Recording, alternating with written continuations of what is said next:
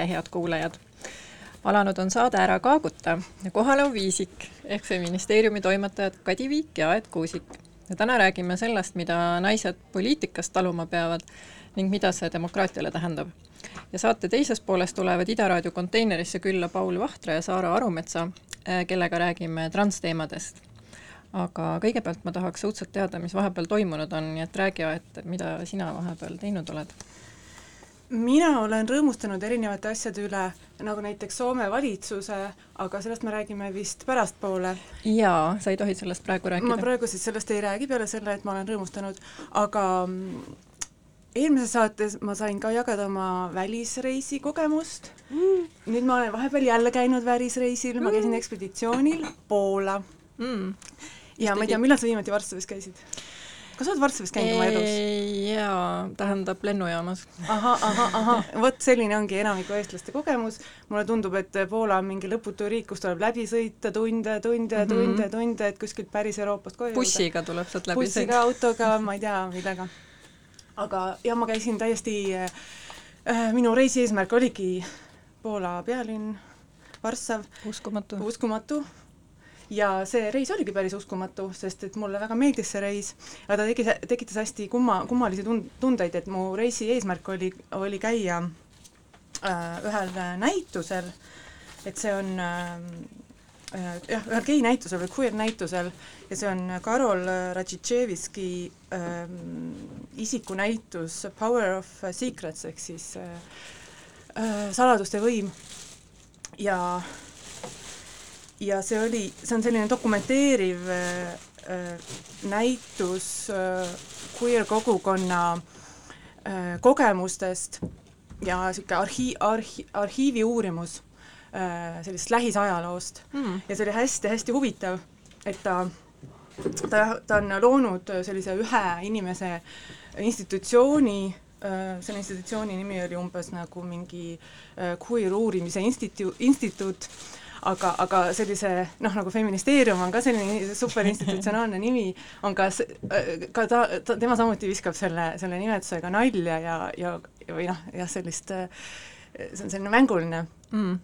nimi on niisugune suur lilla, lillaks värvitud ruum oli, kus tal olid siis noh, läbi sellise kunstniku prisma ta ko-, püüab koondada kokku jah, seda queer ajalugu ja kutsuda ka teisi kõiki sinna äh, sellesse instituuti osalema.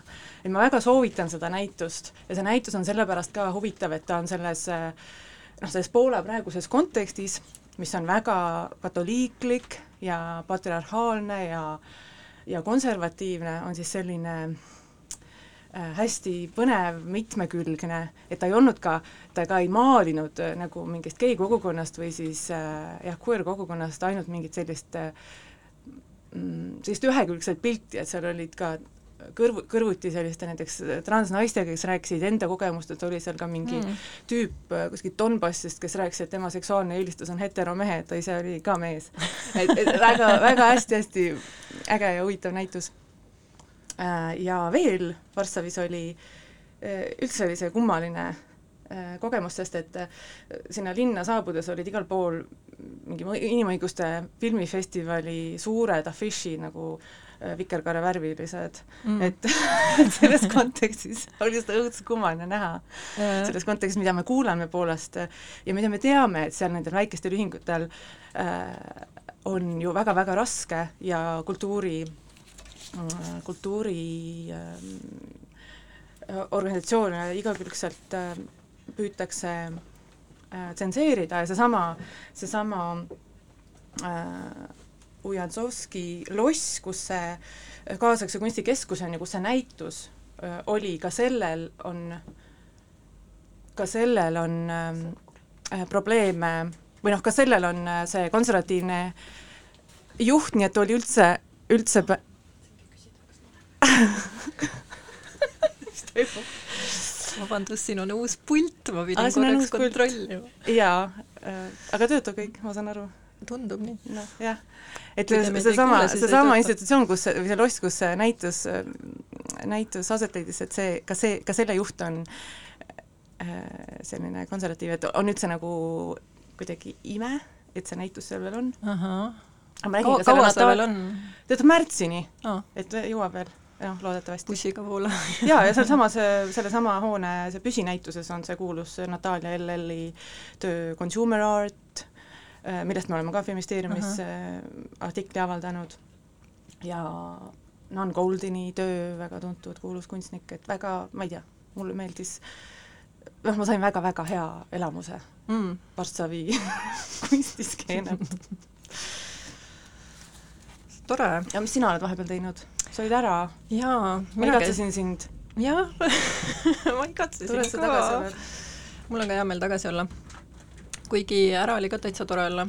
ma olin äh, Riias eelmine nädal äh, ühel äh, koolitusel, kus ma õppisin, kuidas luua vastunarratiive ekstremistlikele narratiividele aga rohkem ma sellest ei taha rääkida ma kavatsen seda praktiseerima hakata hoopis. aga siis jah, enne seda ma olin äh, valimisi vaatlemas, nii et ma olin äh, Sri Lankal äh, oktoobri keskpaigast ja äh, see oli hästi huvitav, aga ma pean ütlema, et ma täiega naudin äh, praegu seda pimedat äh, piparkoogilõhnalist Eestit, kus kõik on nii külm ja nii äh, sünge kuidagi. Ma ei tea, ma ei ole Sri Lankal, Sri Lankal käinud, kas see on liiga valge või?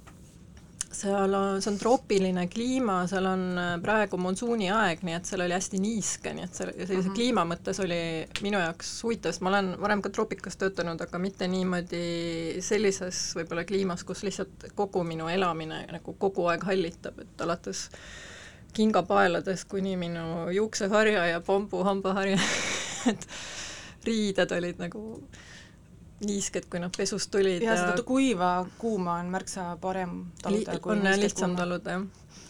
aga mm, poliitiliselt oli see hästi huvitav, et äh, Sri Lanka on selles mõttes selline, noh, ta on vana demokraatia ja ta on ka äh, naiste mõttes huvitav riik, et ta on üks esimesi või ta ongi vist esimene riik, kus üldse naine peaministriks sai tuhat üheksasada kuuskümmend ja oli siis juti seitseteist aastat.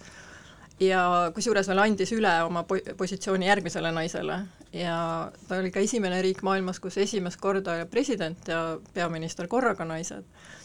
Ehm, ja seda, sellest ei ole nagu jälge ka enam järel, et selles mõttes naised on poliitikast täiesti kadunud praegu. ja ta on selline hästi äh, ütleme siis perekonnakeskne poliitika, noh, nagu meil mõnes erakonnas, et on vennad mm. ja, ja on vennapojad ja no mingid onud ja et ühe perekonnanimega poliitikud on nagu absoluutselt igal pool. mis teeb, et nendest peab kogu aeg eesnimedega rääkima, sest muidu nagu ei tee vahet ehm.... aga mis, mis tulemustele, tulemusteni valimised jõudsid? tulemused olid äh, sellised, et valiti ära president ja valiti ka üks vendadest, ta oli, Sri Lankal oli pikka aega kodusõda, et see lõppes umbes kümme aastat tagasi. Ja äh, kodusõda oli siis äh, põhiliselt tamilite või tamili revolutsiooniliste, ma ei tea, vabastustiigrite vahel ja siis nagu riigi sõjaväe vahel. Ja tegelikult see kaitseminister, kes oli tol ajal, vastutas sellest, et sõda lõppes ja vastutas ka selle eest, et mingi sada tuhat inimest ära kadusid ja, ja keegi siiamaani ei tea, mis neist sai, tema siis valiti nüüd presidendiks, nii et selles mõttes võib öelda, et see ühiskond on äh, hästi polariseerunud, tal on hästi suured pinged nagu erinevate etniliste gruppide vahel, erinevate äh, religioossete gruppide vahel, et need käivad äh, seal käsikäes, et suurem osa rahvastikust on sinhalad, kes on budistid, tamilid on siis pigem hindud või kristlased ja siis on äh, lisaks veel ka nagu hästi vanast ajast pärit maurid või kes on siis moslemid, ja hästi palju kasutati valimiskampaanias sellist, ütleme, rahvuslikele lõhedele või religioossetele lõhedele nagu üleskutsuvat äh, retoorikat. ja, ja noh, kuna seal äh, aprillis äh, lihavõtete ajal olid äh, pommid äh, mille taga olid siis islami äärmuslased, siis äh, see veel nagu kuidagi õhutas seda ütleme siis meelsust nagu ka moslemi vastasuseks veel rohkem. aga mida sa seal igapäevaelus kogesid nagu feministina? naist, kui sa naisi vaatad igapäevaelus näiteks kohalikke? mina olin Põhja-Sri Lankas, et ma olingi seal endises sõjapiirkonnas, äh, kus on hästi vähe turismi, seal on äh, hästi palju sotsiaalseid probleeme, Sri Lanka ei ole üldse nagu eriti vaene riik, et ta on inimarengu indeksil üsna kõrge. aga, või kõrgel kohal aga just seal põhjapiirkonnas on ikkagi hästi palju töötust, vaesust, noh, sõjajälge on ka veel näha, et mingid purustatud majad ja nii edasi. ja, ja siis muidugi need kadunud inimesed, et et nende kohalolu on nagu selles mõttes tunda, et et tänavatel on äh, siiamaani meeleavaldused, et seal on äh,, oli, just lõppes vist tuhandepäeva streik, kus siis tuhat päeva järjest need omakesed käisid tänavatel ja nõudsid siis aru, et mis, mis meie lähedastega juhtus. Ja naiste puhul äh, ma ütleks, et äh, seal piirkonnas on ikkagi raske olla üksiknaine, olla siis kas lahutatud naine või, või lesk isegi mm ja paljud ju on lesed, sellepärast et äh, Nende omaksed on kadunud. just, just um,. ja ik-, noh, ma ütlen, et mida see valimisvaatlemise töö tähendab, on ju see, et me vaatleme seda poliitilist olukorda või noh, analüüsime, et vaatlemine kostub nagu me lihtsalt vaatame, aga et me, me uurime ju, äh, viime läbi intervjuusid ja analüüsime seda, me analüüsime äh, valimiskampaaniat, igasuguseid valimistega seotud intsidente, kaebuseid, inimõiguste olukorda ja noh, vaatame seda valimiste tehnilist poolt, et äh, kuidas seda ette valmistatakse ja läbi viiakse, ja jälgime ka siis kohalikku meediat ja sotsiaalmeediat, et analüüsime, et kas on kallutatud või ma ei tea, õhutab viha või mis seal toimub. Ja ütleme, et see pilt üldiselt on ikkagi selline, et naine, naised avalikust elust puuduvad peaaegu täielikult või kui nad on, et siis nad on ikkagi sellises assistendi, sekretäri mm. rollis kuskil toovad teed mm, -hmm. aga hästi harva, kui me naistega niimoodi sisuliselt nagu kokku puutusime tegelikult mm..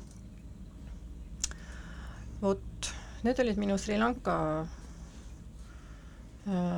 kogemused, aga jah, pinnapealne nagu, pinnapealsed meeleolud olid rahulikud, aga see on ka selline kõva käega riik, kus ikkagi sõjaväge väga kardetakse ja noh, teede peal on need tõkked, noh checkpoints põhimõtteliselt mm -hmm. kas siis sõjaväe või politsei äh, tõkestused, et äh, kui meie ka noh, ringi sõitsime seal maastikul, et siis iga natukese aja tagant peeti kinni ja küsiti, vaadati, kes me oleme et niisugune osa argipäevast, millega siin väga harjunud ei ole. kas mängime ühe loo ka või? jaa, äh, aitäh selle sissevaate eest. Sri Lanka seisu, aga vali lugu jaa, ma valisin, äh, ma äh, mängin edasi Rootsi muusikat. mõtlesin, et eelmine kord ka mängisite. Bella Boo ja Your Girlfriend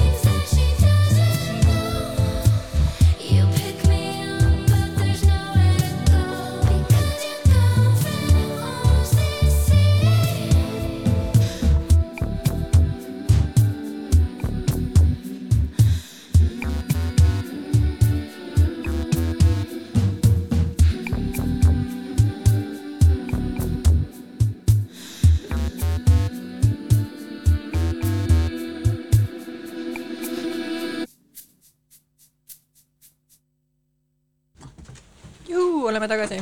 tegelikult äh, ma vaatasin, et laul pidi veel käima, aga panin kinni. räägime siis Soome valitsusest. E tõesti, see on hämmastav, mis seal toimub. Uueks peaministriks sai Sanna Marin, kes äh, varem oli transpordiminister ja kes on kolmkümmend neli. Ja uueks rahandusministriks sai Keskerakonna esimees Katri Kulmuni, kes on kolmkümmend kaks, ja siseministriks sai Roheliste juht Maria Ohisalu, kes on kolmkümmend neli, ja haridusminister on Vasakliidu juht Li Anderson, kes on kolmkümmend kaks ja justiitsminister on Rootsi Rahvapartei esimees Anna-Maia Hendrikson, kes on viiskümmend viis. nii et täielik vanuseline mitmekesisus on selle ees, ma mõtlesin korra meie meie vastavate ministrite peale, meil on siseministriks Mart Helme see nimi jääb naerma kõik vaatavad nurki, ei tea, millisesse Ida raadioputka nurka vaadata. Vanas Mart Helme oota, oota, meie rahandusministriks on Martin Helme ja peaministriks, nojah, Ratas. ja siis justiitsminister on Raivo Aeg ja ma tahan öelda, et ta esines eile, ei, üleeile Äh, inimõiguste konverentsil avakõnega, kus ta väidetavalt ütles, ma ütlen väidetavalt, sest mina olin sel hetkel vetsus, et ma tõesti ei tea, et Eestis on inimõigustega kõik korras mm, -hmm. sest meil on koalitsioonileping, mis lubab sidusat ühiskonda mm. -hmm. Nii et te teate, et meil on inimõigustega kõik väga hästi õigusriigiga pidi ka kõik väga hästi olema, sest ma eile vaatasin seda esimest stuudiot saadet, kus mm. oli Pevkur ja seesama justiitsminister, jaa. jaa, seesama. et ta käib sama sõnumiga igas toas meil on kõik Läbi. väga hästi, aga inimõiguste probleemid on kindlasti teistes riikides, näiteks Venemaal. seda sõnumit võib ikka edastada mm. -hmm aga mida sina, sa enne ütlesid midagi, et sul on nii hea meel Soome valitsuse üle? mul on selle üle tõesti hea meel ja ma ei tea äh,, mul see, et nad kõik on naised, on äh, tore, aga see, see ei ole asi, mis mind elevile ajab mm, -hmm. kuna ma lihtsalt võib-olla ei ole selline feminist, kes ainult seda vaatab mm. -hmm. aga minule teeb tohutult head meelt, et nende taust on hästi, et nad on hästi sotsiaalselt tundlikud mm, -hmm. sellepärast et ne-, neil on selline elukogemus ja taust, äh, kes, ma ei tea, kes on pärit üksikemaga perekonnast, kes, kes on, kes teab ise läbi oma kogemuse, mitte kuidagi abstraktselt, mida tähendab elada samast soost vanematega perekonnas, ma ei tea, kes on esimene, kellel on kõrgharidus, on ju, üldsegi mm -hmm. peres, ja, ja ma, mul on lihtsalt hea meel, et sellised inimesed, sellistest kodudest pärit inimesed on jõudnud nagu tipp-poliitikasse ja minu jaoks on see väga-väga suur asi. ja ma, noh, ma äh, ise töötan ka ministeeriumis ja on ju? et, et ma, ma tõesti nagu hindan seda hästi kõrgelt ja ma arvan, et nad on teinud väga-väga head tööd ja ja selle tõesti saja tuhandega ära teeninud. Ja ma vaatasin natuke seda ka, kuidas, kuidas on räägitud nendest, sellest Soome uuest valitsusest ingliskeelses meedias ja eestikeelses meedias et võib-olla Eestis jah, rõhutatakse hästi palju seda sugu, aga, aga inglisekeelses võib-olla rohkem vanust mm, -hmm. sest see on Euroopas ka ikkagi väga äh, ei ole nii tavaline nähtus mm, -hmm. et nad on nii noored ähm,. jah ja ma arvan, et see mingisugust võiks tuua, mul on äh, ikkagi lootus selles suhtes, et see toob mingisuguse paradigma muutuse. aga Eesti, Eesti meediast oli veel naljakas või kurioosne oli ka see, ma ei tea, kas sa ise märkasid seda, et äh, kui Delfi kirjutas kohe, et on pärit Vikerkaare perest, on ju mm, -hmm. see, see Sanna Marin ise. San-, Sanna Marin, jah. aga, aga Postimees, Postimehes on ka analoogne artikkel, et kust need uued, uued valitsusjuhid noored pärit on ja seal oli kirjutatud, et on pärit üksikvanemaga, üksikemaga perest ja lihtsalt ei mainitud seda, et tegemist on nagu LGBT perekonnaga. Ja see oli vau, vau.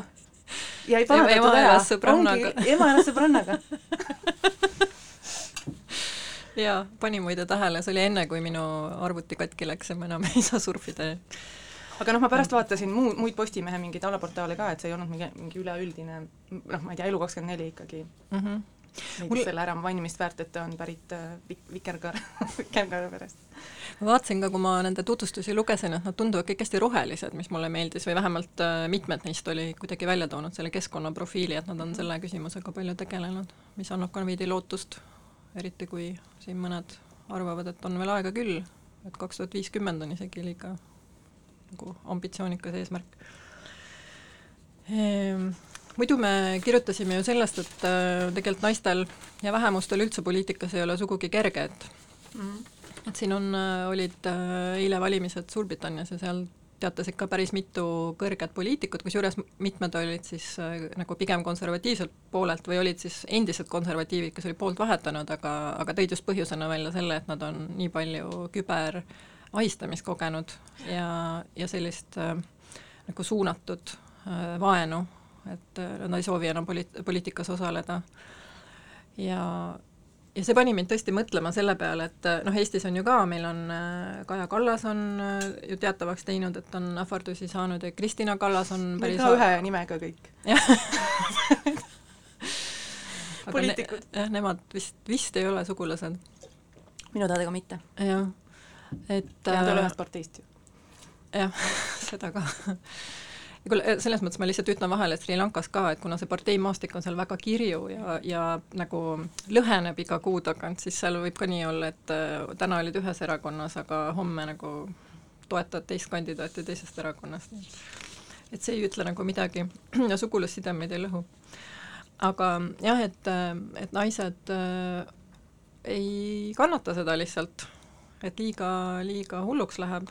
Ja ja selles mõttes, kui ma vaatasin seda Amnesty trollipatrulli mingi statistikat, mida nad tegid, see oli küll kaks tuhat seitseteist, kui nad vaatasid Twitterit, nad võtsid ette seitsesada viiskümmend kaheksa Twitteri kontot, mis kuulusid siis kas naissoost poliitikutele või ajakirjanikele, äh, üle siis terve selle poliitilise spektrumi ja, ja ajakirjanikud ka olid nii parem- kui vasakpoolsetes väljaannetes töötasid, said kokku aasta jooksul äh, üks koma üks miljonit Äh, sellist, ütleme siis ahistavat või ähvardavat äh, säutsu enda aadressil. ja see oli täiesti korrelatsioonis äh, nahavärviga, et kui oli selline natukene tumedam nahavärv, noh, ütleme latiino või, või Aasia tüüpi nahavärv, et siis oli tõenäosus saada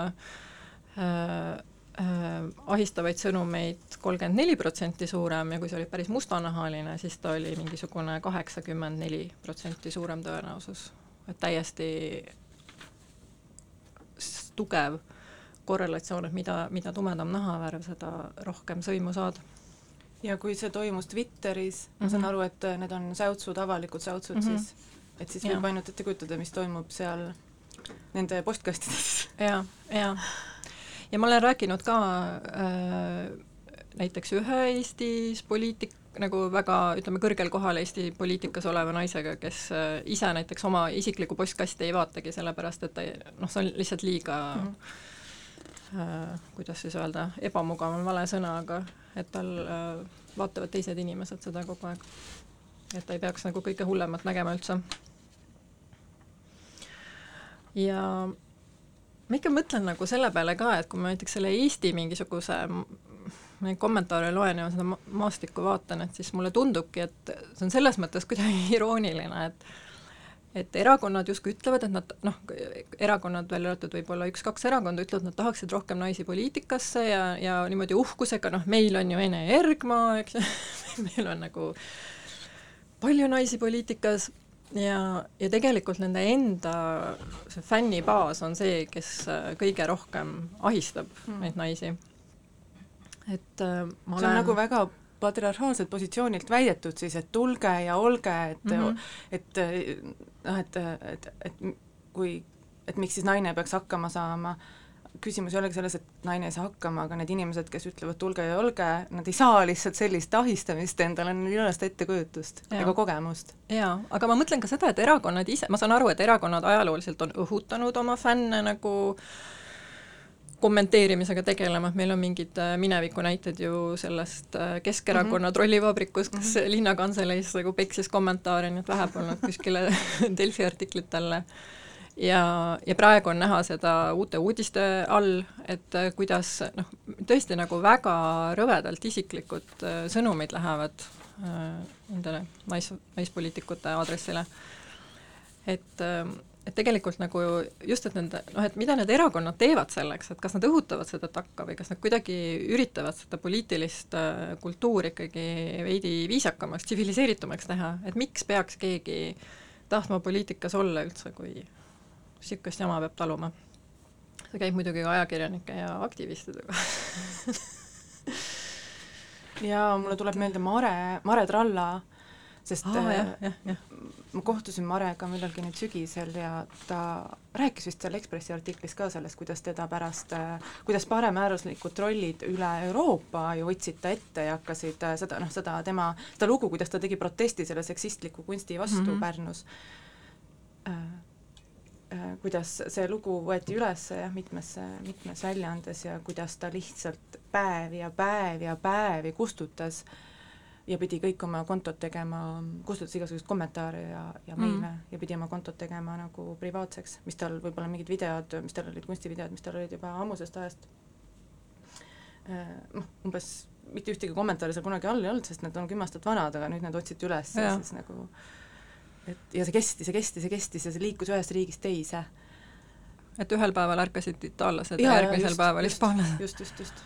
et see oli organiseeritud ja. niimoodi, et ta lihtsalt jõudis ühest võrgustikust mm. teise, et seda oli kohe aru saada mm see võiks olla midagi, mingi startup siis, mis äh, paneb nagu filtri peale, et lihtsalt see kõik äh,, ma ei tea, läheb tagasi adressaadini, kes, või selleni, kes välja saatis, põrkaks tagasi nagu, ilmuks tema enda inbox'is hoopis mm. -hmm. see oleks hea innovatsioon, et see ei jõua kunagi väljapoole tema enda peast ise kirjutad, ise loed. paneme sinu loo ka või? jaa, mul on lugu populaarse filmi Põleva tütarlapse portree Heli Ribalt, et selle filmi kohta mm, film oli kogenud lesbifilmide vaatajana ma midagi uut sealt ei saanud, aga väga hea muusika oli ja filmi võib ikka ka vaadata. okei okay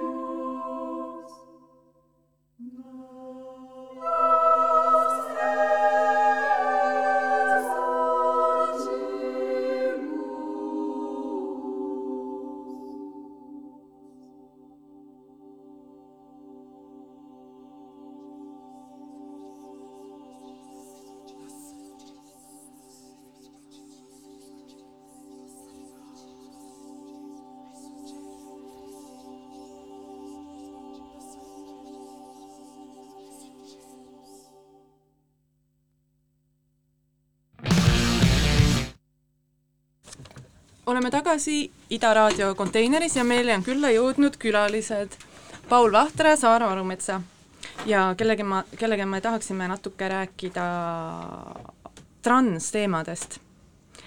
Äh, kes meie külalised on ja millega te tegelete, Paul ja Saara? tutvustage ennast palun äh,. minu, minu nimi on Saara, ma olen äh, filosoofia ja kultuuriteooria magistrant hetkel on mul privileeg õppida Helsingi ülikoolis ja privileeg ainult õppida, mis on väga vahva wow,. kunagi pole saanud. jaa, ma olen äh, šokeeritud. ja lisaks sellele osalen trummi, trummibändis Rhythms of Resistance ja kaaskorraldan queer pidusid. tere! mina olen Paul ja Paul Vahtre ja mina praegu töötan teatris, teen seal mingeid asju, aga põhiliselt äh, äh, läheb mu energia ka ROR-i ehk siis Rhythms of Resistance'isse äh, ja sellega seotud aktivismi. ja olen ka queer-pidusid korraldanud selles mõttes, et meil on suhteliselt äh, sarnased huvid ja, Saaraga. osaleme sarnases gruppides, samades gruppides tegelikult, Paul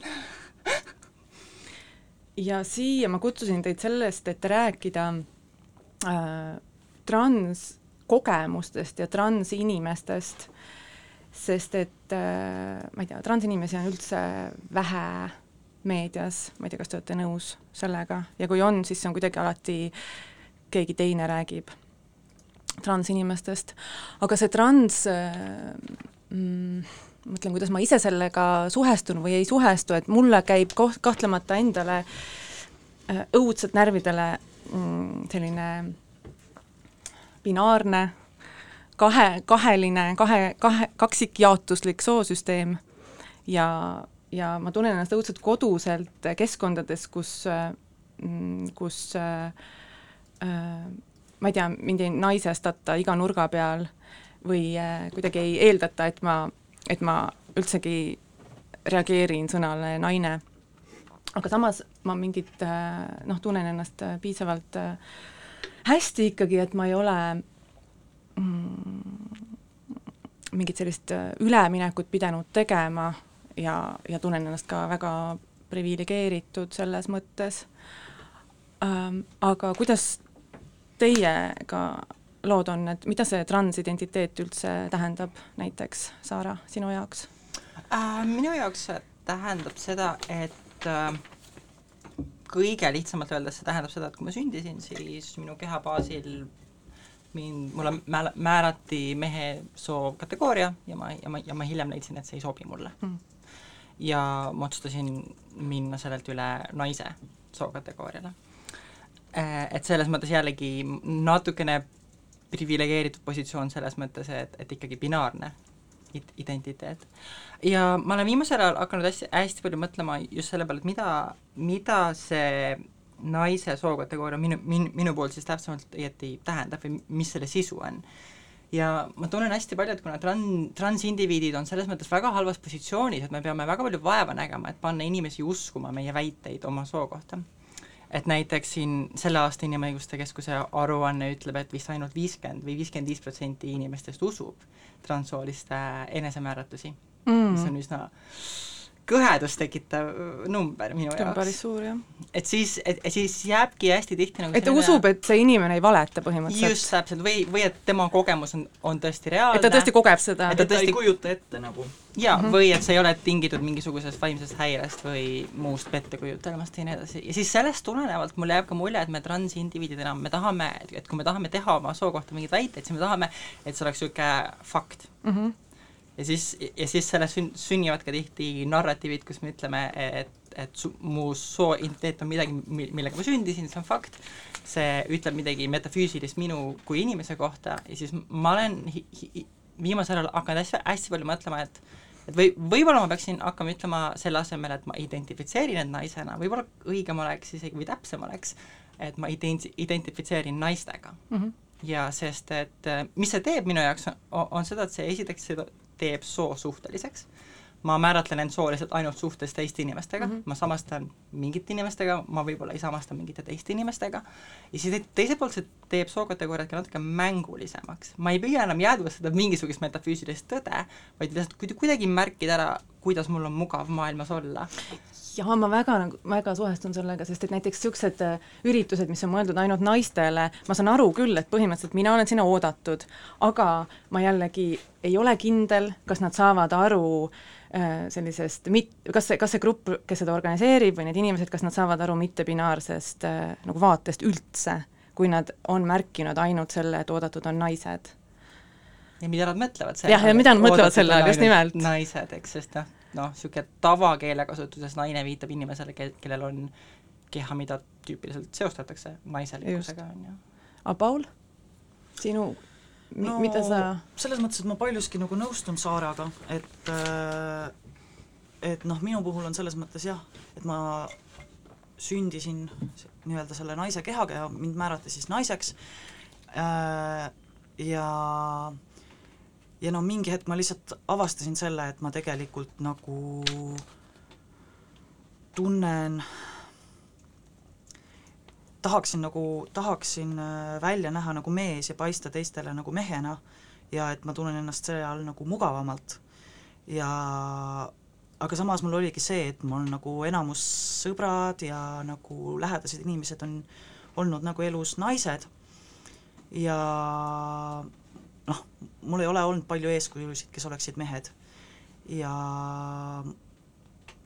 ja see nagu võttis aega, et mul nagu aru saada, et et see, mida ma nagu tunnen ja vajan nagu kehaliselt, et olla rohkem nagu kohal, on äh, nagu üleminek või nagu transkogemus mm. -hmm. ja aga noh, ja kui ma alguses välja tulin, siis ma tundsin, et, et ma pean ka nagu seda narratiivi jälgima, et järgima, et ma nagu olen alati niimoodi tundnud ja nagu teadnud lapsest saati, noh, tegelikult neid nagu mingid, mingid tunded ongi olnud nagu alati, aga nagu see mu varasem elu ei ole nagu selles mõttes nagu fake, et mm. -hmm. aga see kind-, kindel narratiiv, see siis äh, tuleneb sellest, mida siis binaarne mm, ja cis, ma ei tea, cissi eelistav maailm äh, tahab kuulda. jaa, seda selgust nii-öelda. see, et ma teadsin juba varem, mul ei olnud ühtegi kõhklust, ma teadsin, ma ei tahtnud kunagi kleite ka kanda, mingid sellised äh, siis äh, sentimendid, sa pead seda silmas või? jaa mm. -hmm., jaa, ma pean seda silmas. et ei, et ei olnud kunagi mingeid kahtlusi ja et kõik on olnud äh, teada juba noorest peast? võib-olla jah, see tea-, teadmine just see, et et jah. aga nüüd te siis igatsete seda kogemuste mitmekesisust rohkem või, või või kuidas see narratiiv on sinu jaoks, jaoks siis muutunud? ma ei tea, minu jaoks on lihtsalt see, et äh, kuna ma nüüd olen nagu elanud nii mehe kui naisena, siis äh, noh, jutumärkides minu jaoks, sellepärast et noh, need on kuidagi nagu piiravad kategooriad mõlemad. et äh, et noh, ma tunnen ka seda mängulisust, et, et, et et kuna mu elukogemus on, ma olen hästi pikalt nagu elanud nagu sellises vahepealses olekus ka nii-öelda nagu mittebinaarsena või nagu jah, binaarsus, binaarsuspriina. binaarsuspriina, väga ilus siis äh,, siis ma ei tea, ma nimetaks võib-olla ennast nagu transpoisiks või Aha. Peeter Paaniks või mida, ma ei tea, noh, selles mõttes, et see ei ole nagu nii täpne. et ma, ma nagu pigem, kui on vaja, kui on vaja valida selle binaarse vahel, siis ma valin mehe, aga nagu ja, ja. lihtsalt elades queerilt sa nagu saad aru, et see süsteem on nagu suuresti ikkagi konstrueeritud nagu mm, -hmm. et see on nagu kultuuriline. aga mis, mis on seda kogemust siis siin sul aidanud selleni jõuda või nende mõteteni või mis on toetanud sind äh, äh, selles, et sa, et sa, et sul varem olid mingid, tundsid, et sa pead esindama mingit teatud narratiivi ja nüüd sa oled äh, no, saanud et... nagu mängida selle, selle mõttega või kas, ma ei tea, transajalugu on äh, palju sa oled seda uurinud ja no ma olen seda uurinud, aga see on pigem ikkagi see tunnetuslik ja kogemuslik, et sa saad enesekindlamaks ja sa nagu paistad välja rohkem sellena, kes sa oled mm -hmm. ja sa tunned ennast mugavamalt ja, ja sa näed, et nagu, et ei ole võimalik saavutada mingisugust nagu perfektset sugu või ma ei tea. Ma ei tea, kas sa oskad äkki, Saara, siia midagi kommenteerida?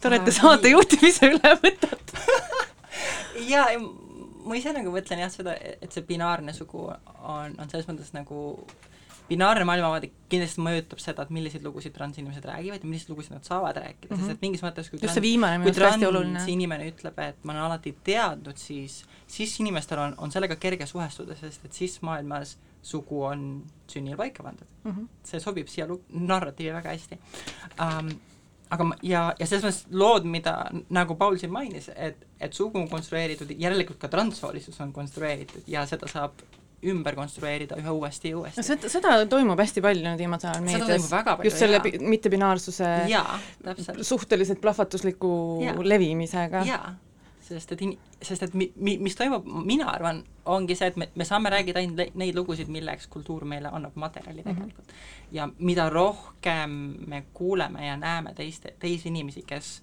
liiguvad sellest binaarsusest väljapoole ja liiguvad täiesti tundmatuid rad-, radu pidi ja loovad mingeid uusi äh, rääkimisviise soost ja olemisest, identiteedist, seksuaalsusest ja nii edasi ja nii edasi, et see, et see, et seda rohkem see mm, inimesed nagu näevad, aa, see on võimalik, nii saab ka mm, -hmm. ma varem ei mõelnudki selle peale, aga see tundub nii kodune mm. -hmm. ma lähen, ma lähen ka.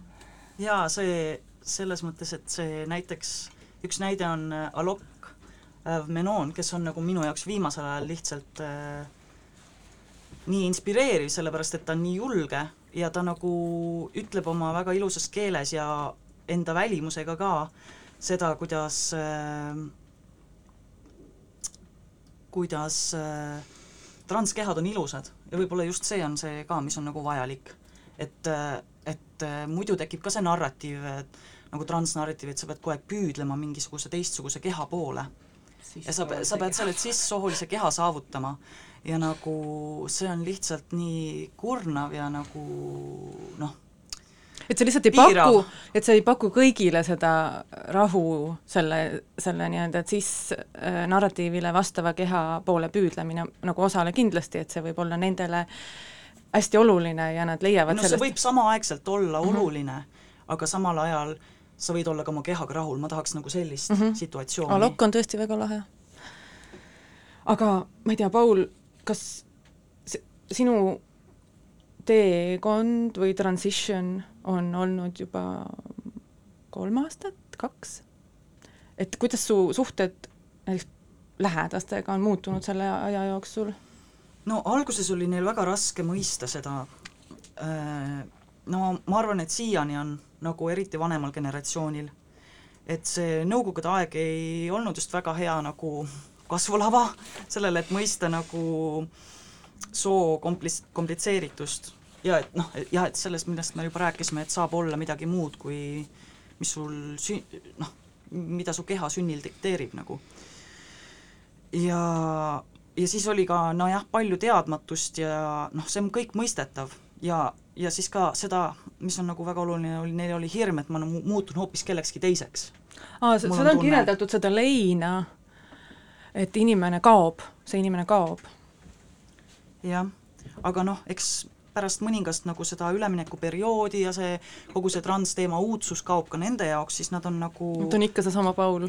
jaa, jaa, ja nagu mu enda jaoks on ka see nagu vahel üllatav, kui tavaline midagi üllatust ei ole. kui tavaline nendega suhtlus on, et, et nagu noh, kõik on sama viisi, nagu ikka samad äh, probleemid, samad rõõmud äh,, ikkagi iseloomude sellised kokkupõrkamised ja noh, et noh, nende jaoks on nüüd nagu transidentiteet nagu ainult väike osa minust, et mida nad näevad. et no eks nad näevad rohkem seda, kes ma olen kogu aeg olnud, nagu minu iseloomu ja ja no need mälestused, mis meil kõik koos on ja jah mm -hmm transelud võivad olla väga igapäevased. jaa, kohutavalt kohutavalt tüütud igapäevased, ikka vaadatakse Netflixi kodus ja nii edasi. aga noh, mul on hea meel, et te tulite siia saatesse äh, rääkima aga te olete ühed, eh, noh, neid on olnud, ütleme, transaktivismi on ju Eestis olnud paari isiku näol või ühe isiku näol, aga mis, aga teie olete nagu siin ja räägite enda kogemusest, enda nimedega, et äh, miks see nii on, et, et neid nii vähe on, neid inimesi? no ma arvan, et inimesed kardavad transinimesed. Ma tean, et inimesed kardavad oma töökohtade pärast, nad kardavad, kui nad tulevad kapist välja, et siis äh, nad kaotavad töökoha või neil tekib liiga palju pingeid seal töökohal mm,, ahistamist või midagi säärast. ja ja noh, seda ka ilmselt, et noh, et sind vaadatakse teisiti, et sind vaadataksegi nüüd selle transina mm, -hmm. äh, kui selle friigina, et mitte kui nagu tervikliku inimesena. Ja no eks ma ise ka tunnen vahel nagu siiani ise ka seda häbi ja ja ma ei ole ka nagu igal pool nagu lõpuni kapist väljas. et äh, ma ootan veel seda, et ma saaks äh, nagu ametlikult oma soo ära muudetud mm. -hmm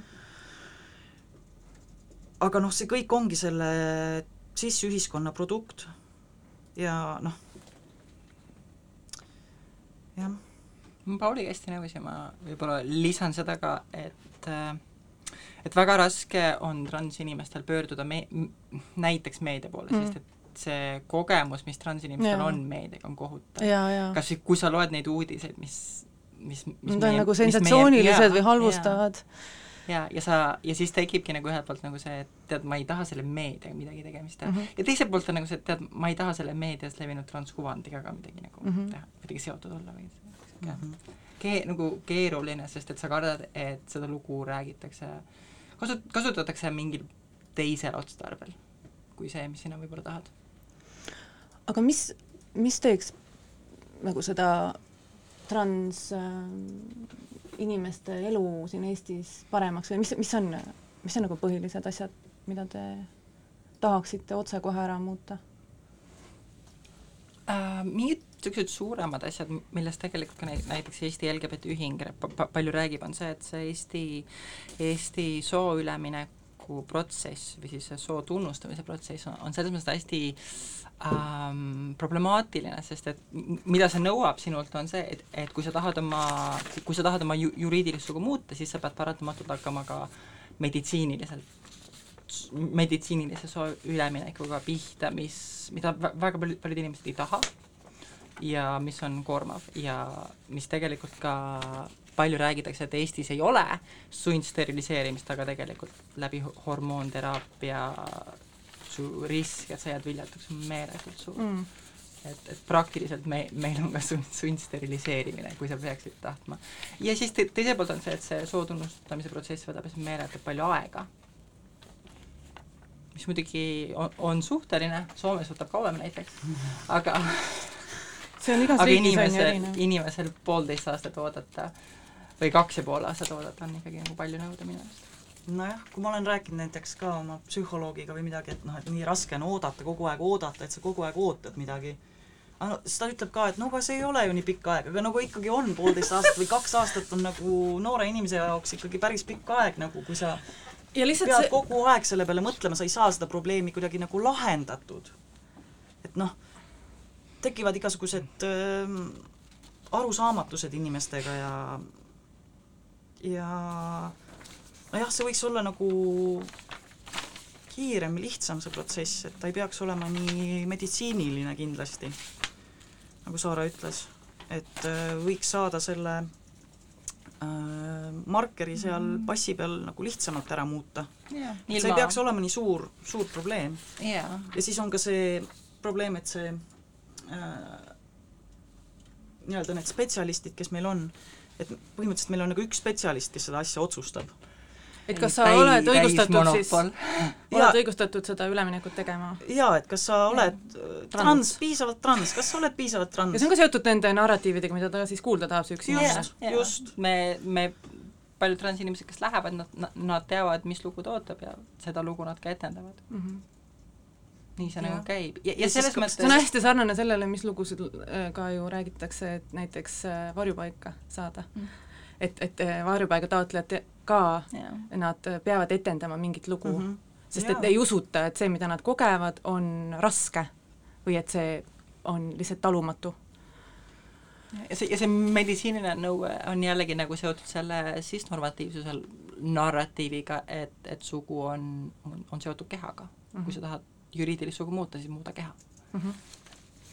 aga mul on selline tunne, et meil oleks nii huvitavat juttu veel rääkida ja ma olen sunnitud vist teid äh, millalgi tagasi kutsuma saatesse.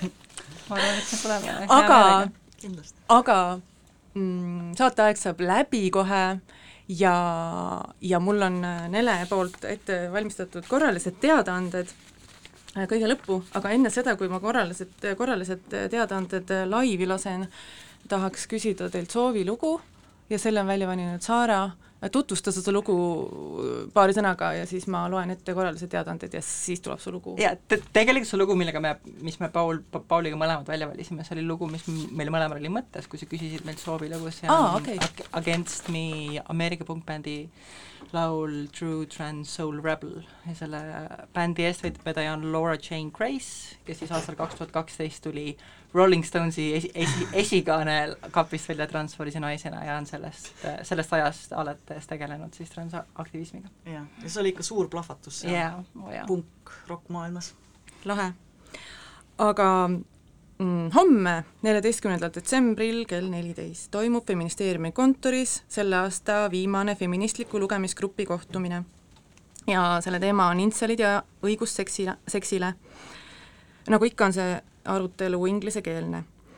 kõiki ootame ka Feministeeriumisse seitsmeteistkümnendal ehk järgmisel teisipäeval, kui toimub äh, antirassistliku feminismi teemal äh, vestlus ja Airi Triisberg on kutsunud Eestisse äh, aktivisti, kunstniku ja teoreetiku Tjaša kantsleri.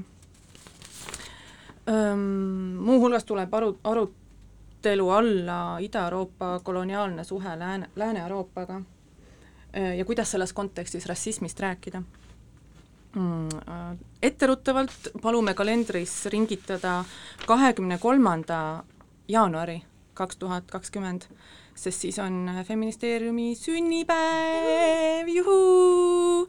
ja me tähistame sünnipäeva etenduse ja peoga Telliskivis ja täpse, täpsem info tuleb jaanuaris. aga kahekümne kolmanda õhtul on see. ja täna on selline lõbus slaš kurb teadaanne, et uksed suleb äh, kunstiruum Kraam äh,, ei tea, millal ja kas ja kus nad äh, uuesti tege-, tegelema, tegutsema hakkavad, aga täna on Kraami lõpupidu äh, kell üheksateist kolmkümmend äh, Polümeris. nii et ma ei tea, mina lähen sinna, tulge ka. ja nüüd tuleb Me äh,, head aega!